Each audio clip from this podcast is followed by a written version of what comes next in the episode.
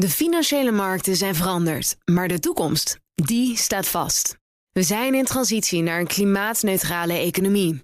Dit biedt een van de grootste investeringskansen van onze generatie. Een kans voor u om mee te groeien met de pioniers van morgen. Meer weten? Ga naar carbonequity.com. Carbon Equity. Do good by investing better. BNR Nieuwsradio. BNR Zaken doen. Thomas van Zeil. Met cijfers van Philips, Shell, Unilever in Nederland en Apple, Facebook en Amazon aan de andere kant van de oceaan is het opletten geblazen voor beleggers. Waar de leden van het beleggerspanel gaan kijken, uh, naar gaan kijken deze week bespreek ik met Selwin Duivenstein, fundmanager bij Mountain Shield Capital Management, Mary Pieterse Bloem, hoofd obligatiebeleggingen bij ABN AMRO en bijzonder hoogleraar financiële markten aan de Erasmus School of Economics en Lodewijk van der Kroft, investerend partner bij vermogensbeheerder Comgest Benelux. En uiteraard ook nog altijd hier is mijn zakenpartner van vandaag, Maria van der Heijden, directeur van MVO Nederland. Welkom allen. We beginnen dit uh, panel traditiegetrouw met de vraag wat jullie laatste transactie uh, was. En als je dan toch het woord hebt, waarom? Selwin. Uh, de laatste transactie is een aankoop geweest van het aandeel Sonos. Misschien bekend bij iedereen van de speakers. is vorig jaar naar de beurs gegaan. toch een wat slechter techklimaat als eerste voor de kies gekregen. maar inmiddels 11 dollar een miljard uh, waardering komt er dan uh, tot stand. Maar ze hebben ook een miljard omzet, geen schulden. Uh, en met toch een wat meer aantrekkend klimaat en een mooie samenwerking met IKEA, denk ik dat Sonos een goede koop is. Met IKEA? Wat gaan ja. ze samen doen dan? Nou, IKEA heeft uh, vorig jaar aangekondigd dat ze toch die Internet of Things kant opgaan. Dus uh, allerlei luidsprekers speakers in de billykasten en uh, hippe technische snufjes uh, kun je van IKEA verwachten. En dat gaan ze samen met Sonos doen. En je zegt, we kennen dat uh, bedrijf vooral van, van die luidsprekers. Doen ze veel meer dan? Want dat vermoed ik dan nu, nu. Nee, dat oh, is alles, maar dat doen ze wel heel goed. Draadloze, gemakkelijk aan te sluiten luidsprekers. We gaan nog spreken over die tech-aandelen en hoe het komt dat ze uh, wat in het verdomhoekje lijken te zitten en of ze er misschien weer uitkomen. Lodewijk, wat was voor jullie de laatste transactie? De laatste aankopen die wij hebben gedaan was in Wirecard, een bedrijf uit Duitsland dat we niet zo goed kennen waarschijnlijk in Nederland. Maar als je zegt dat het vergelijkbaar is met Adyen, dan uh, spreekt het misschien wat meer tot de verbeelding. Adyen heeft het toch al lang en breed gewonnen? Uh, nou nee, het is een enorm versnipperde markt, die internetbetaling. En Adyen is wel een grote speler, maar Wirecard is groter van oudsher. Dus wat dat betreft zijn er heel veel spelers. En de koersontwikkeling van Wirecard heeft enorm geprofiteerd van de beursintroductie van Adyen. Alleen zag je dat in de tweede helft van het jaar veel van dit soort bedrijven een enorme soejang ook hebben gekregen. En dat was voor ons een reden om het belang weer een klein beetje op te hogen. Kun je uitleggen hoe een concurrent van Adyen profiteert van het feit dat Adyen naar de beurs gaat? Nou, uiteindelijk kijken beleggers naar relatieve waarderingen. En op het moment dat er uh, ja, vergelijkbare bedrijven op de beurs zijn, dan wordt het makkelijker om een bedrijf wat tot op dat moment wat lastig te waarderen lijkt te zijn. Uh, om daar een ander prijskaartje aan te hangen. En dat heeft zeker voor, uh, voor waardestijging geleid. Maar dan moet je er wel van uitgaan dat Adyen correct is gewaardeerd... en dat er niet al te veel lucht en fantasie in dat aandeel zat. Het is allemaal relatief wat we doen op de beurs. ja, nou ja, goed, zo hebben we de eerste wijsheid alweer te pakken... en we zijn nog twee minuten onderweg. Wat was jullie laatste transactie, Mary?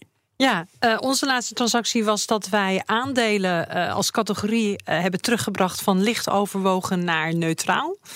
Uh, dus we hebben geprofiteerd van de opleving in, uh, in de aandelenkoersen, omdat we toch nog wel wat uh, tegenwind zien. en die tegenwind met name vanwege de winstgroeiverwachtingen, waarvan we denken dat analisten die nog steeds iets te hoog inschatten. Die zijn wel afgenomen, ja. maar nog steeds eigenlijk te hoog voor het economische groeipad wat wij verwachten. En we verwachten voor de duidelijkheid geen recessie. Oh, dat niet. Oké, okay, nee. dat woord dat gaan we niet helemaal uh, uh, vermijden hoor, de komende minuten. Maria, nog heel eventjes. Jij bent geen belegger, of nee. wel? Nou, nee, ik beleg zelf niet. Uh, maar um, ik, ik, eigenlijk zeg ik altijd van ja, ik, heb wel, ik woon op een boerderij, dus zit voor mij wel een beetje beleggingsgeld in grond. Dat is ook een soort belegging. Maar die vind ik gewoon lekker safe. En, uh, dat is dus het, ik ben echt ook. een beetje van de lange termijn. Goed. Nou, als je wat vragen hebt, uh, stel ze vooral aan het uh, beleggerspanel. We hebben eigenlijk door wat je zegt, die laatste transactie... en het terugbrengen van overwogen naar neutraal... ook wel een brug naar het cijferseizoen. Ja, daar kan ik alleen maar iets van vragen. Van, valt het tot, tot nu toe mee? Valt het tegen, Selwin? Uh, nou, de daadwerkelijke cijfers die vallen mij eigenlijk alleszins mee. Alleen als je kijkt naar de verwachtingen, uh, dan is het tot dusver niet heel veel soeps, vind ik. Um, en aangezien alles op de beurs juist draait om de toekomstverwachtingen, um, zie ik de cijfers overal gezien dan toch als niet. Uh, niet om over naar huis te schrijven. Ja, want Lodewijk, je presenteert de cijfers van het kwartaal dat achter ons ligt. Dat is een gegeven. En, en eh, wat Selwin zegt, overwegend wordt er dan toch weer meer belang gehecht aan wat er voor ons ligt. Is dat logisch? Ja, dat is uh, heel erg logisch. Want uh, ja, uh, precies wat Selwyn zegt. je betaalt de prijs voor de kaststromen die nog moeten gaan komen. wat je wel natuurlijk merkt is dat heel veel commentatoren, maar ook bedrijven gebruik maken van de onzekerheid die er is om maar iets de schuld te geven. En de blame game is wel op volle gang. Ja, je ziet dat onder andere ook Apple heeft dat gedaan. Philips zegt nu ook overwegend natuurlijk goede cijfers, maar we merken iets van tegenwind in China. Ja, nou ja, dan zal iedereen zeggen, ja, kan me voorstellen. Maar is het te makkelijk om, om, om daar naar te wijzen? Want het zal ongetwijfeld toch van invloed zijn. Het zal ongetwijfeld van invloed zijn. Alleen het is ook wel een, een, een kleed waar je heel veel dingen onder kan schuiven. Um, ik kan me niet voorstellen dat elk bedrijf op dezelfde manier uh, geraakt wordt door de onzekerheid rond China. Maar Apple misschien toch wel? Nou, Apple is een heel goed voorbeeld, maar heel veel andere technologiebedrijven zijn niet actief in China. Dus het zou heel raar zijn als die zeg maar China de schuld zouden geven. Ja. Is het een te makkelijk excuus? Nou, ik denk dat je als je kijkt naar het bredere plaatje, hè, dan hebben we eigenlijk uh, nu iets van 120 bijna bedrijven gehad die hun, uh, um, die hun earnings hebben gerapporteerd van de 500 in uh, de Verenigde Staten, maar in Europa een veel kleiner deel, 35 van de 600. Dus ja, en daar eh, in de Verenigde Staten zie je toch dat meer dan 70% eigenlijk positief verraste. En ook een vergelijkbaar percentage, eigenlijk 80%, een verwachting uitspreekt eh, van goede winstgroei. Dus ik ben het wel eens met, uh, met, met jou dat het eigenlijk toch wel positief is, redelijk. Ja. Selwyn, ik, ik onderbrak jou nog voordat je begon. Ja, Wat ik wil er nog bij aanhaken over die, uh, dat iedereen inderdaad China nu de schuld geeft van mogelijk slechtere cijfers. En juist Apple is daar een goed voorbeeld van. Omdat zij door gebrekkige accu's uh, moesten ze heel veel accu's uh, terugkopen. Of in ieder geval terugleveren voor 29 dollar. Dat heeft er natuurlijk aardig ingehakt. en dan is het er makkelijk om te zeggen: oh, oh, oh, die Chinezen komen er weer aan. Maar Terwijl... je komt dat verhaal van die accu's die ze moesten repareren ook wel overal tegen. Dus je kunt nog zo hard naar China wijzen. Uiteindelijk weten we dat die accu's ook wel een rol spelen, toch? Ja, precies. Alleen uiteindelijk, als je als bedrijf moet je dat dan ook gewoon goed toegeven. En wanneer dat niet gebeurt, um, zeker als het overal te lezen is, dan vind ik dat geen sterk signaal. Wat Meri overigens net zei in het begin, hè, wij, zijn, wij zien toch nog wel dat veel mensen nog te positief naar de toekomst kijken. Wordt dat gedeeld door de andere panelleden? Nou, als je kijkt naar de taxaties, uh, die uh, ja, consensus-taxaties, zoals dat dan zo mooi heet, dan liggen die zo rond de 9%, afhankelijk van welke index en welke regio je kijkt. Die is behoorlijk naar beneden toe gekomen. Um, maar nogmaals, dat is op een geaggregeerd niveau. Dus er zitten hele grote verschillen natuurlijk bij uh, individuele bedrijven tussen. Neem ASML bijvoorbeeld, die toch een aanzienlijk gedeelte van hun omzet zal missen als gevolg van die vertraging die er in die, in die waardeketen op dit moment in technologie optreedt. Ja, daar zijn beleggers uiteindelijk niet zo heel bezorgd om. Omdat die omzet die komt dan wel het kwartaal daarop. Of het halfjaar daarop. En dat is denk ik eh, voor ASML is dat, een, is dat niet zo'n probleem. Maar er zijn natuurlijk andere bedrijven waarvan je kan zeggen... ja, dat is verloren winst. Ik denk altijd aan een hotel. Ja, als de hotelkamer vannacht niet verkocht is... dan gaat die niet morgen nog alsnog verkocht worden... voor die prijs van gisteren. Ja, nou, om daar even op aan te haken. Hè, jij noemde dus dat, dat percentage van uh, 8, 9 procent... Wij denken dus dat dat naar de vier moet. Uh, van, als je kijkt naar het groeipad wat wij eigenlijk voorspellen. Wat er eentje is overigens van gematigde groei. Uh, en dus niet een recessie hè, voor uh, de Verenigde Staten of voor, uh, voor Europa, maar 4 procent. En dat betekent dat er nog een aanpassing te gaan is. En daarom denken we dus dat aandelen nog wat meer tegenwind zullen kunnen krijgen. Maar dat is niet zomaar een aanpassing in de marge. Als je van 8, 9 naar 4 gaat. Ja, klopt. Dat is, dat is ja. nog best pittig. En voor de toehoorder klinkt dat sowieso allemaal als heel hoog. Want welke economie groeit er nou met 4 of 8 of 9 procent? China. Het gaat, het gaat hier natuurlijk niet om economische groei. Het gaat hier om winst, winst. per aandeel. Ja. En wat bijvoorbeeld ook meespeelt, en dat zal ongetwijfeld in jullie taxaties ook zitten, dat Amerikaanse bedrijven heel veel eigen aandelen inkopen. En dat leidt er ook toe per saldo dat die winst per aandeel stijgt. Ja. Is het dan wel echte waarde? Het is echte waarde voor de resterende aandeelhouders, zolang ja. die aandelen maar afgestempeld worden. Ja. Klopt, maar wat je ook ziet is dat natuurlijk ook een aantal bedrijven aandelen inkopenprogramma's zijn gestart. Dus dan moet je ook een klein beetje meenemen. En daarom is er ook het verloop over de verschillende aandelen zo grillig. De een heeft veel hogere uh, zeg maar, uh, verkopen in, in China dan een ander bedrijf, et cetera. Nou, je moet gewoon wat beter op gaan letten. Het is niet meer zo dat alles wat je pakt uh, in goud verandert. Nee. Absoluut. Zit er nog iets tussen deze week? We hebben Philips gehad vanochtend, Shell, Unilever in Nederland, Apple, Facebook, Amazon in de Verenigde Staten. Zit er nog iets tussen, Selwin, waar jij met extra aandacht naar gaat kijken? Ja, deze hele week is uh, behoorlijk spannend op kwartaalcijfergebied. Want je krijgt alle uh, grote tech-giganten, uh, de FANG of FANG-aandelen... Facebook, Apple, Netflix, Google. Netflix hebben we dan natuurlijk gehad. Wanneer dat wat breder trekt en daar ook nog Microsoft, AMD, Intel bijvoegt... Um, die geven eigenlijk wel een heel goed beeld van hoe in ieder geval de beurs ervoor staat. Wanneer je die grote techspelers, de honderden miljarden plus bedrijven eruit zou filteren uit de rally van de afgelopen jaren op de beurzen, dan heeft de S&P het de afgelopen drie jaar eigenlijk helemaal niet meer zo goed gedaan. Dus als je uh, ergens naar zou moeten kijken, is dat wat mij betreft vanavond bijvoorbeeld en de komende uh, drie avonden de cijfers van die techgiganten. En daar gaat echt mijn aandacht naar uit. We komen nog over die techgiganten te spreken. Lodewijk, wat is voor jou een uh, bedrijf met cijfers waar je met interesse naar gaat kijken? Nou, ik heb eerlijk gezegd niet een specifiek bedrijf wat ik als uh, soort van leading indicator uh, zie.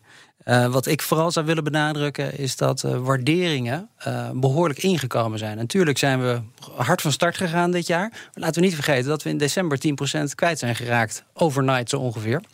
Dus wat dat betreft he, voelt iedereen zich nu een stuk beter op het moment dat hij nu naar zijn vermogensoverzicht kijkt. Maar het afgelopen kwartaal was behoorlijk uh, pittig. Hoe kan dat? Want het FD had gisteren ook een analyse. Hè? Aandelenbeleggers beginnen het jaar alsof er niets aan de hand is.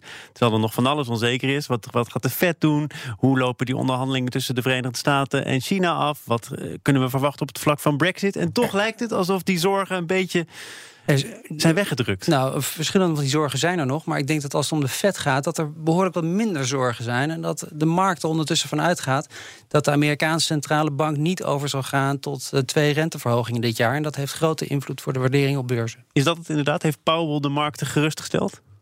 Ik, ik denk het wel. En ik denk dat, dat ze morgen ook nog wel uh, daar een schepje bovenop uh, zullen doen. Dat gezegd hebbende sluiten wij in het algemeen niet uit dat we nog een keer een test gaan zien van die bodem uh, die we in december zagen.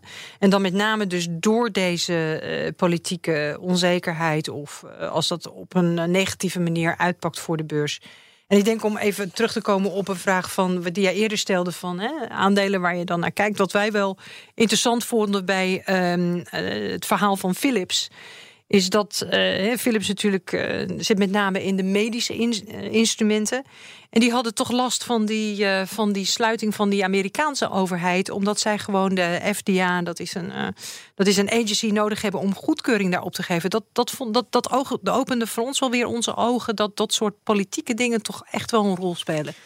Je bent uh, een optimistisch mens, denk ik, maar toch ook zo ja. af en toe wat somber als je kijkt naar moeten de verwachtingen nog naar beneden worden bijgesteld. En tegelijkertijd zeg je ook heel duidelijk: nee, een recessie die verwachten wij niet. Nee. Waar is dat dan op gestoeld? Oh, ik, ik, ben optimistisch, maar wel realistisch. uh, een recessie krijg je eigenlijk pas als, uh, ja, als, als, als er zeg maar echt beleidsfouten worden gemaakt. Dus bijvoorbeeld van de vet hebben we het net even over gehad. Dat verwachten wij niet. Um, of als er ja, andere schokken uh, uh, plaatsvinden. Wij denken wel dat de Amerikaanse economie uh, in zijn groei zal gaan vertragen. Maar nog niet dat het op een recessie zal aankomen. In ieder gegeval niet dit jaar. Het beleggerspanel is de gast en dat bestaat deze week uit Mary Pietersen-Bloem, hoofdobligatiebeleggingen bij ABN AMRO en bijzonder hoogleraar financiële markten aan de Erasmus School of Economics. Lodewijk van der Kroft, investerend partner bij vermogensbeheerder Comgest Benelux en Selwin Duivenstein, fundmanager bij Mountain Shield Capital Management. Mijn zakenpartner is Maria van der Heijden. En we gaan het hebben over de grote tech-aandelen. Want 2018 was dramatisch. Maar na een koersstijging met dubbele cijfers in de laatste afgelopen weken, dus de eerste weken van januari, durven de optimisten zich weer te laten zien. Selvin, ben jij zo'n optimist? Uh, wat betreft die tech-aandelen niet. En daar zijn wel uh, uitzonderingen. Microsoft vind ik zo'n uitzondering. Alleen ook wanneer je naar die tech-aandelen kijkt, dan juist op waarderingsgebied um, gaat dat eigenlijk, we noemen het het woord relatief, dat gaat nergens meer over. Uh, Netflix uh, inmiddels dit jaar toch alweer 40 plus procent hoger, uh, ondanks de slechtere kwartaalcijfers van vorige week. Ja, en nog steeds een waardering van 100 keer de winst. Dat is niet normaal als je bedenkt dat Disney in hun hek aan het hijgen, nek aan het hijgen is... Um, voor wat betreft online streaming. Dus juist voor wat betreft die tech zou ik zeggen... de waarderingen zijn nog steeds erg fors. Het aardige is ook wel dat je Microsoft noemt. Hè? Want er zijn veel techbedrijven met problemen. Kijk naar Apple, verzadiging, die accu, China, Google en Facebook, privacy. Amazon komt ook met wat tegenslag. Microsoft is natuurlijk langere tijd een beetje afgeschilderd als te degelijk, niet sexy, saai. Het kan verkeren. Ja, ze hebben een enorme turnaround gemaakt. En zeker met de eh, nieuwe CEO, ehm, die toch inmiddels alweer een aantal jaar het bedrijf leidt, hebben ze echt een turnaround gemaakt. En wanneer je bijvoorbeeld de nieuwe lijn met service computers opzoekt op YouTube, dat is een fantastische reclame. Het is bijna net een film. Dus ze hebben de, eh, het uiterlijk van Apple, eh, inmiddels het interieur eigenlijk, de, de hardware, die hadden ze van oudsher al. Ehm, ze timmeren gewoon fantastisch aan de weg qua, ehm, qua bedrijf en beeldvorming. Stel dat die grote techbedrijven een beetje pas op de plaats moeten maken. Zou dat dan erg zijn? Na zo'n stormachtige opkomst de afgelopen jaren, is dit misschien de correctie? Nou, ik zou niet meteen over een correctie willen uh, spreken als het gaat om uh, de huidige vertraging ja, die ja. er is. Uh, nogmaals, ik denk dat als je kijkt over een periode van een jaar, dat je nog steeds als belegger vrij goed uit bent geweest in die techhoek. Um, uh, wij richten ons op uh, bedrijven die winst maken uh, in technologie. Dus dat is al een soort van filter Waardoor je nou, de excessen zeg maar, in belangrijke mate vermijdt. Maar ik denk dat het grootste risico voor de techhoek is dat de politiek zich er steeds vaker mee gaat bemoeien. En of dat nou te maken heeft met privacy. Uh, hier in Europa. Uh, ik zag daarnet dat uh, iPhone weer een nieuw probleem heeft. Omdat als je WhatsApp-telefoongesprekken voert via een iPhone... dan schijn je al een verbinding te hebben... voordat de persoon in kwestie op ja, ik wil met je spreken heeft gedrukt. Ah, daar moet je me eens wat meer over nou, vertellen. Dus dat zijn allemaal hele spannende dingen. Maar het grootste probleem is denk ik... dat als de relatie tussen Amerika en China... daar gaan we daar ook nog over hebben... echt een probleem gaat worden... dat je een soort van tweedeling in die technologiewereld gaat krijgen. En die, in die voedselketen die is gewoon global wereldwijd. En als je dat uit elkaar moet gaan knippen, dan wordt dat heel lastig. Nou, kun je me dat nu, want we gaan het er inderdaad nog uitvoerig over hebben, maar wat bedoel je ermee?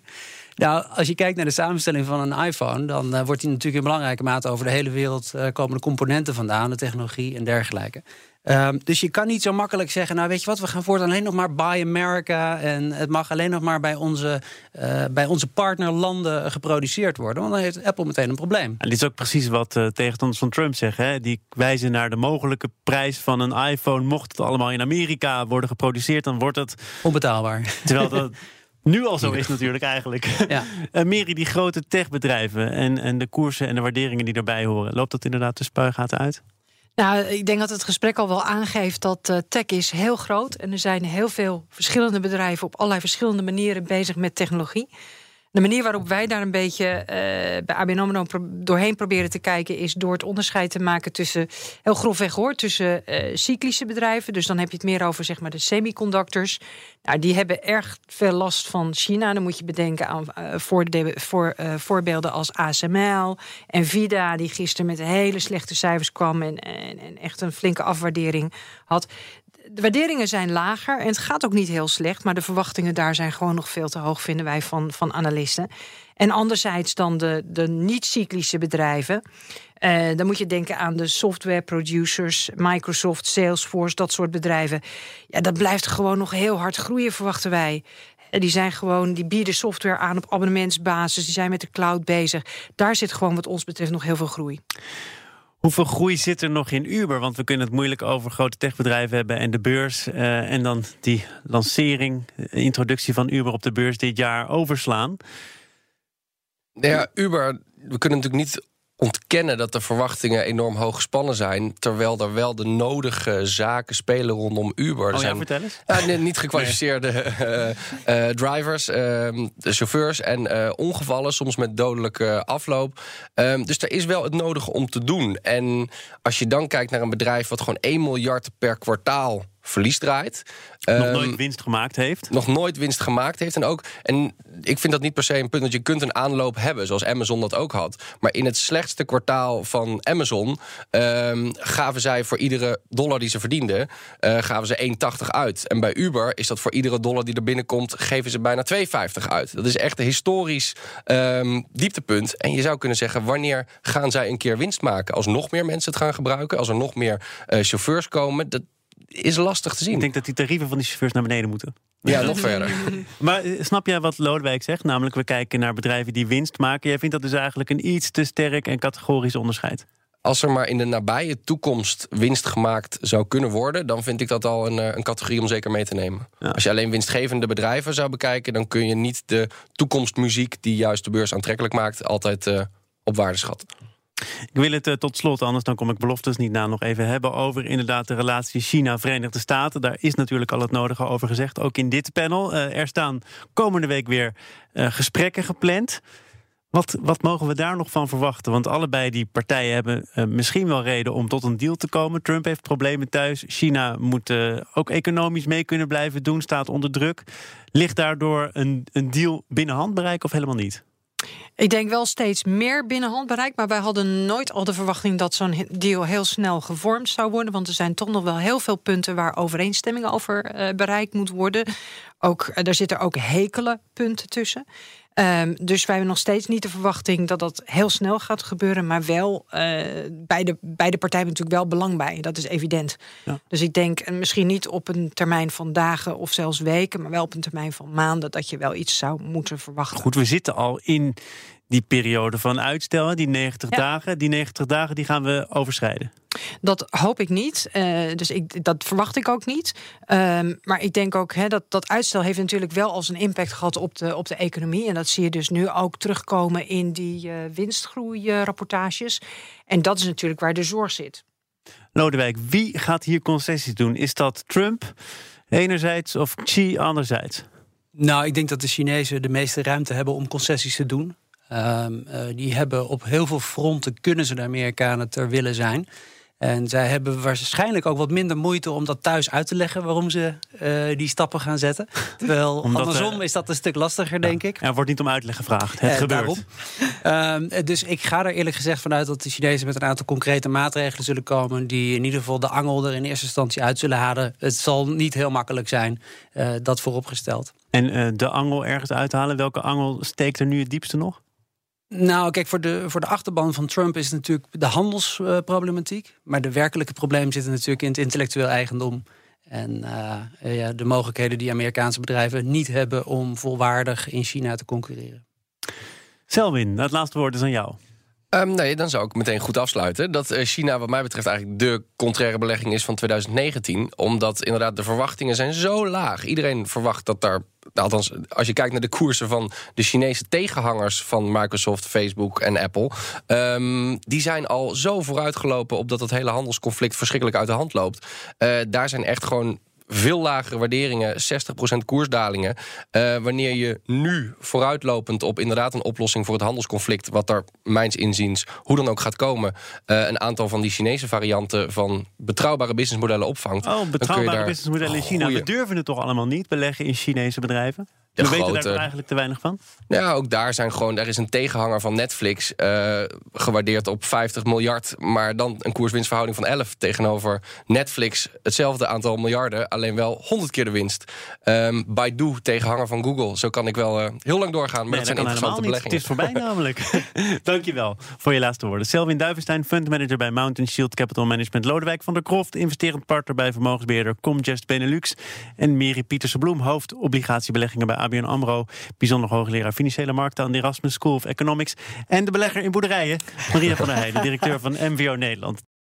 De financiële markten zijn veranderd, maar de toekomst, die staat vast. We zijn in transitie naar een klimaatneutrale economie. Dit biedt een van de grootste investeringskansen van onze generatie. Een kans voor u om mee te groeien met de klimaatoplossingen van morgen. Meer weten? Ga naar carbonequity.com. Carbon Equity. Do good by investing better.